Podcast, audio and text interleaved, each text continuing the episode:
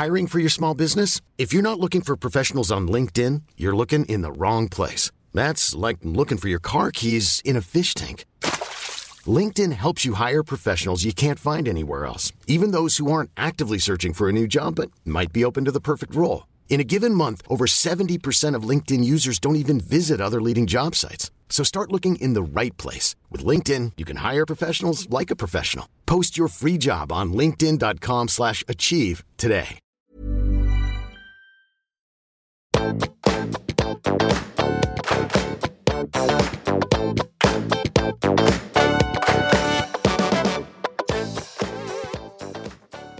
alle sammen, og velkommen tilbake til podkasten Karriereveiledning med Elaine.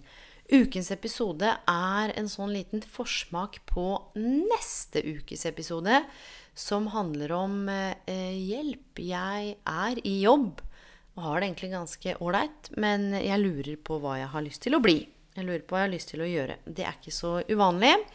Og det er også basert på alle de fantastiske tilbakemeldingene på hva dere vil høre mer om i forhold til tematikk. Eh, men før vi hopper inn i neste ukes episode, som da selvfølgelig kommer neste uke, så skal vi gå gjennom et par punkter som jeg har kalt eh, Et par punkter som kan være med å skape støy på jobben. Det aller, aller første, det handler jo om et sånn slags dobbeltblikk, da. Som er viktig å ta med seg. Både på hvordan er det jeg bidrar til å skape støy, uro og konflikter. Og så må du definere hva kanskje støy, uro, uro eller konflikter er for deg. Um, og hva er det du på en måte kan kontrollere av det som foregår, og hva er det du kanskje må slippe. Og ikke minst, hva er det som er de organisatoriske rammene som ikke du får gjort noen ting med eller påvirka direkte? For jeg har jo jobbet en del med utbrenthet, jeg har jobbet en del med mennesker som virkelig bare veit at de vil bort fra jobben, men de veit ikke helt hva de vil til. Eh, som føler at det er noe galt med de, at alt ligger liksom sånn ansvar på ens egne skuldre. Og så begynner vi å kartlegge og sortere.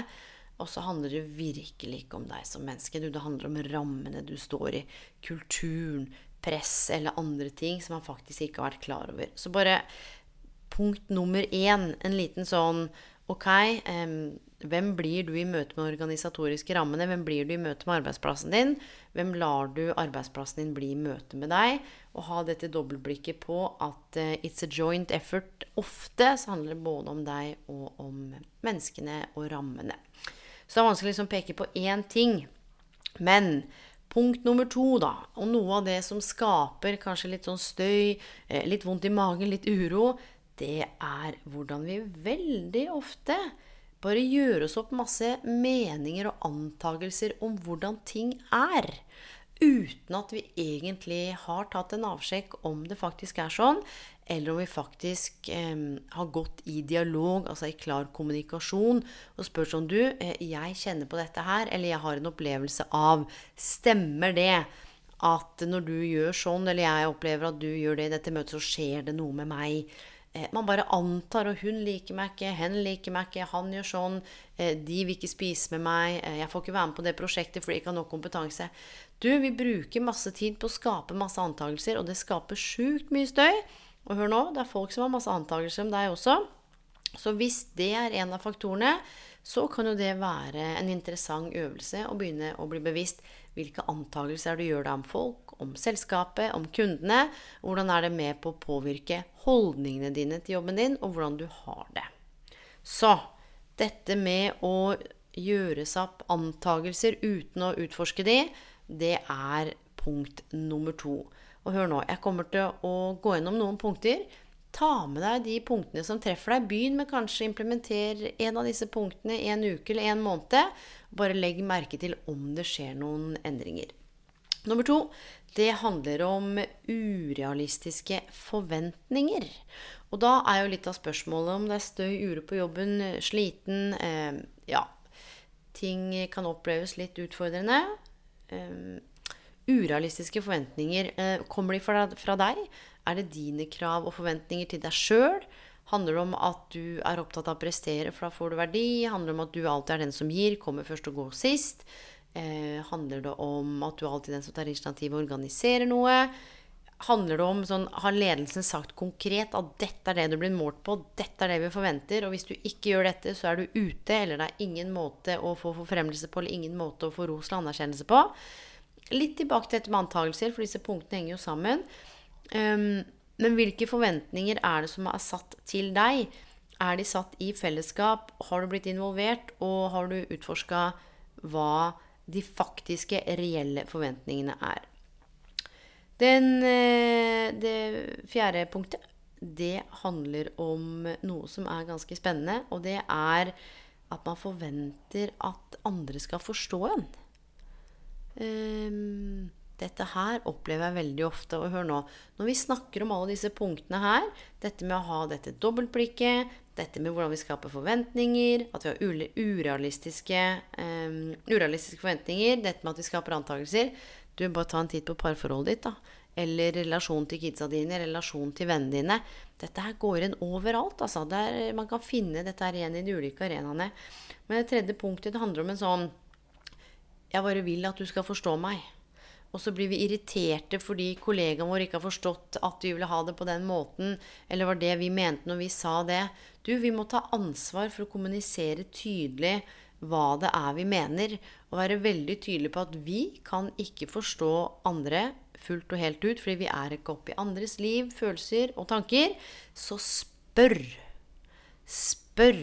Og på lik linje som du spør, kommuniser tydelig også hva det er du forstår eller ikke forstår, sånn at det faktisk blir mulig å ha en konkret dialog rundt det. Og hør nå. Dette her er lett for meg å sitte og snakke om. Og husk at jeg har jobbet med dette i mange år. Jobbet med det i ulike organisasjoner med masse mennesker. Syns ikke det er like lett enda, ja. Noen ganger så er det superutfordrende. Så det er ikke bare sånn at å, bare gjør dette her, så ordner alt seg. Dette her handler om refleksjon og bevissthet. Og ønsker du faktisk å ha det bedre på jobben? Fordi det er også forskning som viser at hvordan vi ser på jobben vår, hva slags holdninger vi har, hvordan vi ser på evnene våre, altså our attitude, our skills um, har ganske mye å si for hvordan vi har det. Og det her handler jo om mindset også. ikke sant? Det å ha et låst tankesett. Det handler jo om åh, Det er bare sånn. Vi får ikke gjort noe med det. altså Evnene mine er de de er. Intelligensen min er medfødt. Eh, ja.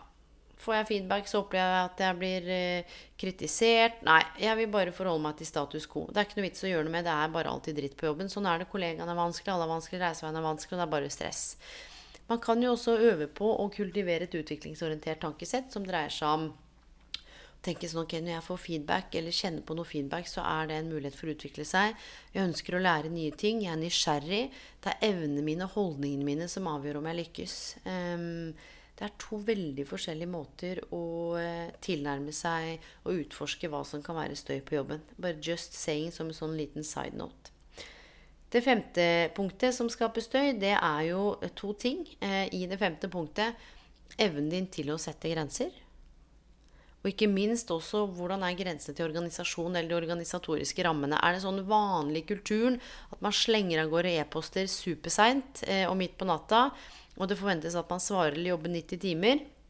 Um, slags, hvordan er kulturen for å sette grenser?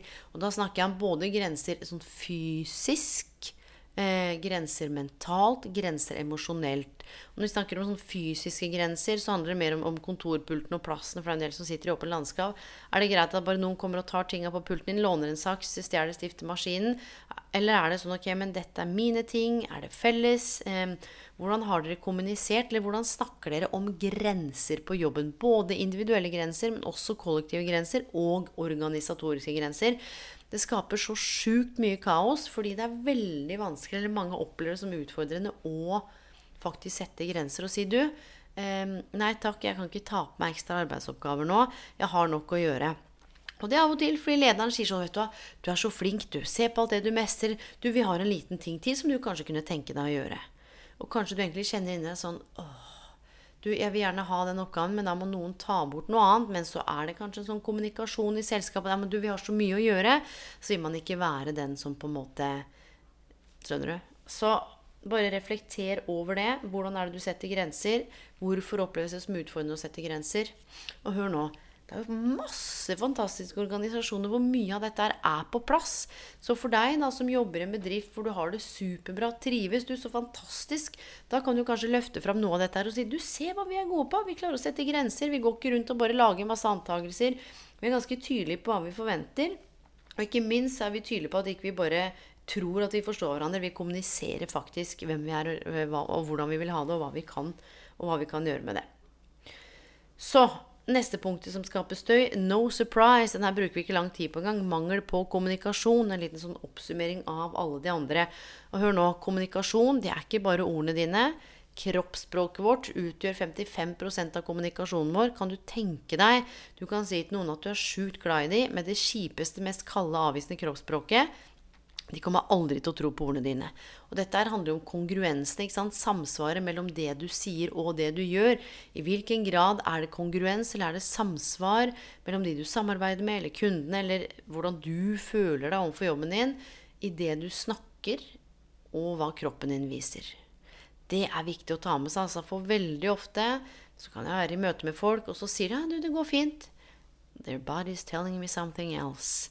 Så bare begynn å legge merke til andre menneskers kroppsspråk. Legg merke til om det er en slags gjenklang eller samsvar mellom det de sier og det de gjør. Det betyr ikke at hvis du opplever eh, at det ikke er samsvar, at det må være noe gærent eller noe som lyver. Men kommunikasjon er ikke bare ord. Det er hvordan vi kommuniserer skriftlig, hvordan vi bruker Teams. ikke sant? Er det millioner av chattegrupper og total kaos? Og mangel på kommunikasjon? Er det for mye kommunikasjon?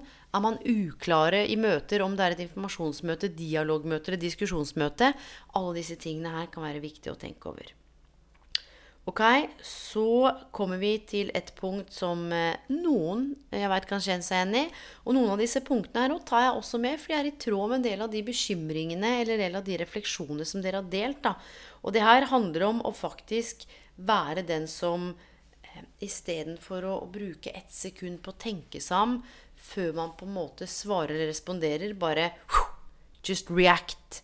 Så det blir en liten sånn um, Noen kan si noen ting, og istedenfor å kunne regulere egne emosjoner eller ha tid og rom og ro til å bare ha en lite nanosekund refleksjon, så går man rundt, og så er man korte og spisse og kjipe med hverandre. Og jeg skal ikke si slenge kommentarer, men det er um, også fordi det er mangel på kommunikasjon, så er man mer i sånn reacting mode. Man går, bare går og venter på å bli tatt. Man går og venter på at man går og forsvarer seg. Du, og det er sjukt om Det er jo ingen som orker å ha det sånn. Et annet punkt som er veldig viktig å reflektere over, og det handler om eh, ofte mye støy eller uro eller man har lyst til å bytte jobb, fordi det er noe med uærligheten.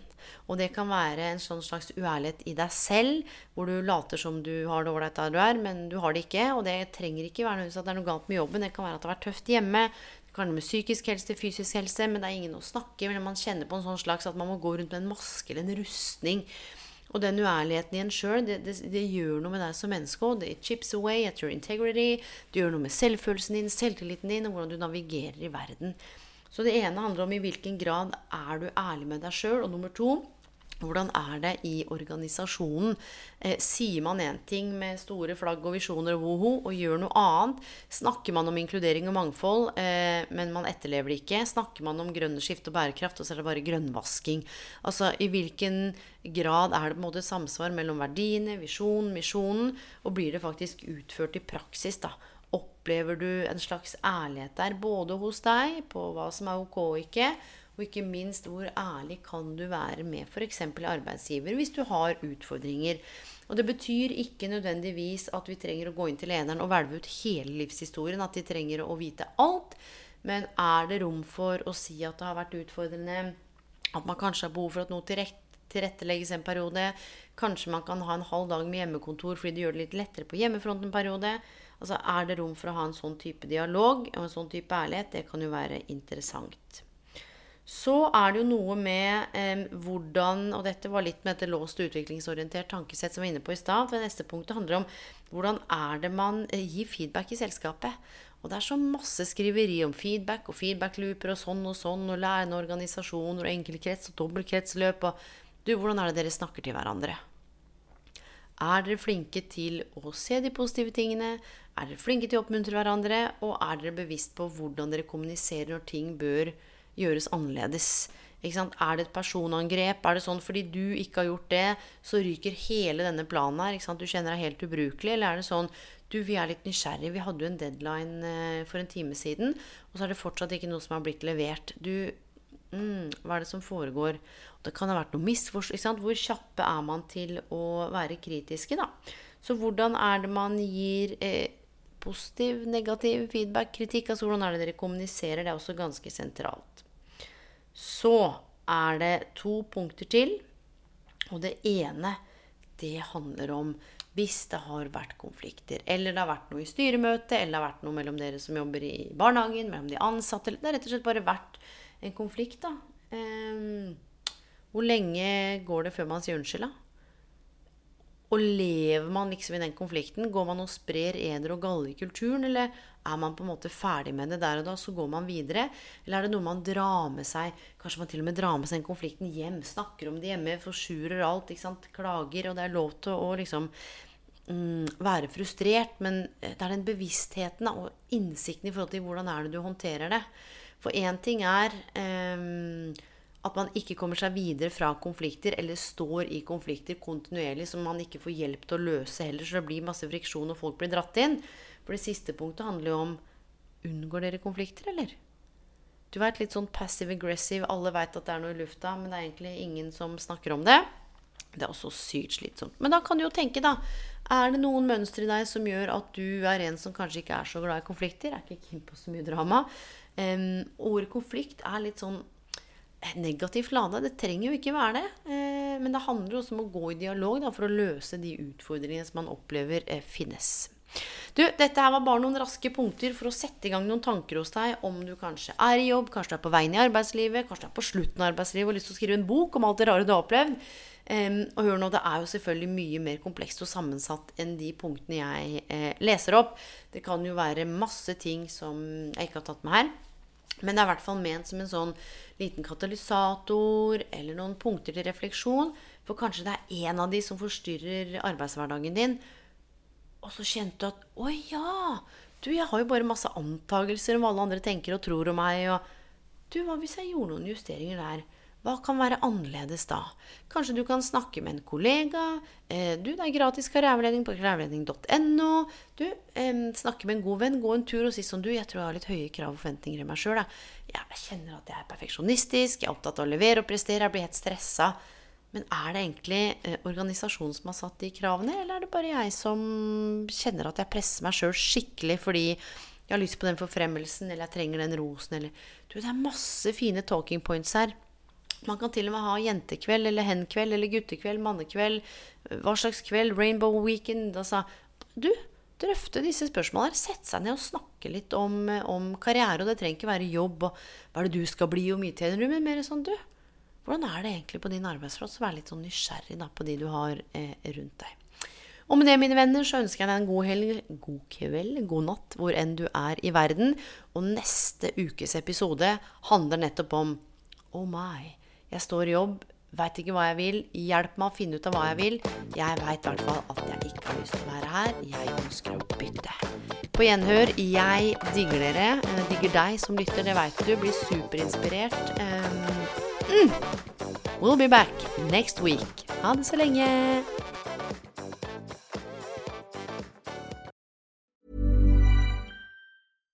My business used to be weighed down by the complexities of in person payments. Then, Tap to Pay on iPhone and Stripe came along and changed everything. With Tap to Pay on iPhone and Stripe, I streamlined my payment process effortlessly. Now I can accept in person, contactless payments right from my iPhone. No extra hardware required. What's truly remarkable is how I can cater to all of my customers' payment preferences. Whether they're using cards, Apple Pay, or other digital wallets, Tap to Pay on iPhone and Stripe ensure a smooth checkout experience every time. And it's not just me. Stripe helps businesses of all sizes, from local markets to global retailers, scale quickly and stay agile. To learn how Tap to Pay on iPhone and Stripe can help grow your revenue and reach, visit stripe.com/tapiphone. Hold up. What was that? Boring. No flavor. That was as bad as those leftovers you ate all week. Kiki Palmer here, and it's time to say hello to something fresh and guilt-free. Hello Fresh. Jazz up dinner with pecan-crusted chicken or garlic butter shrimp scampi. Now that's music to my mouth. Hello Fresh. Let's get this dinner party started. Discover all the delicious possibilities at hellofresh.com.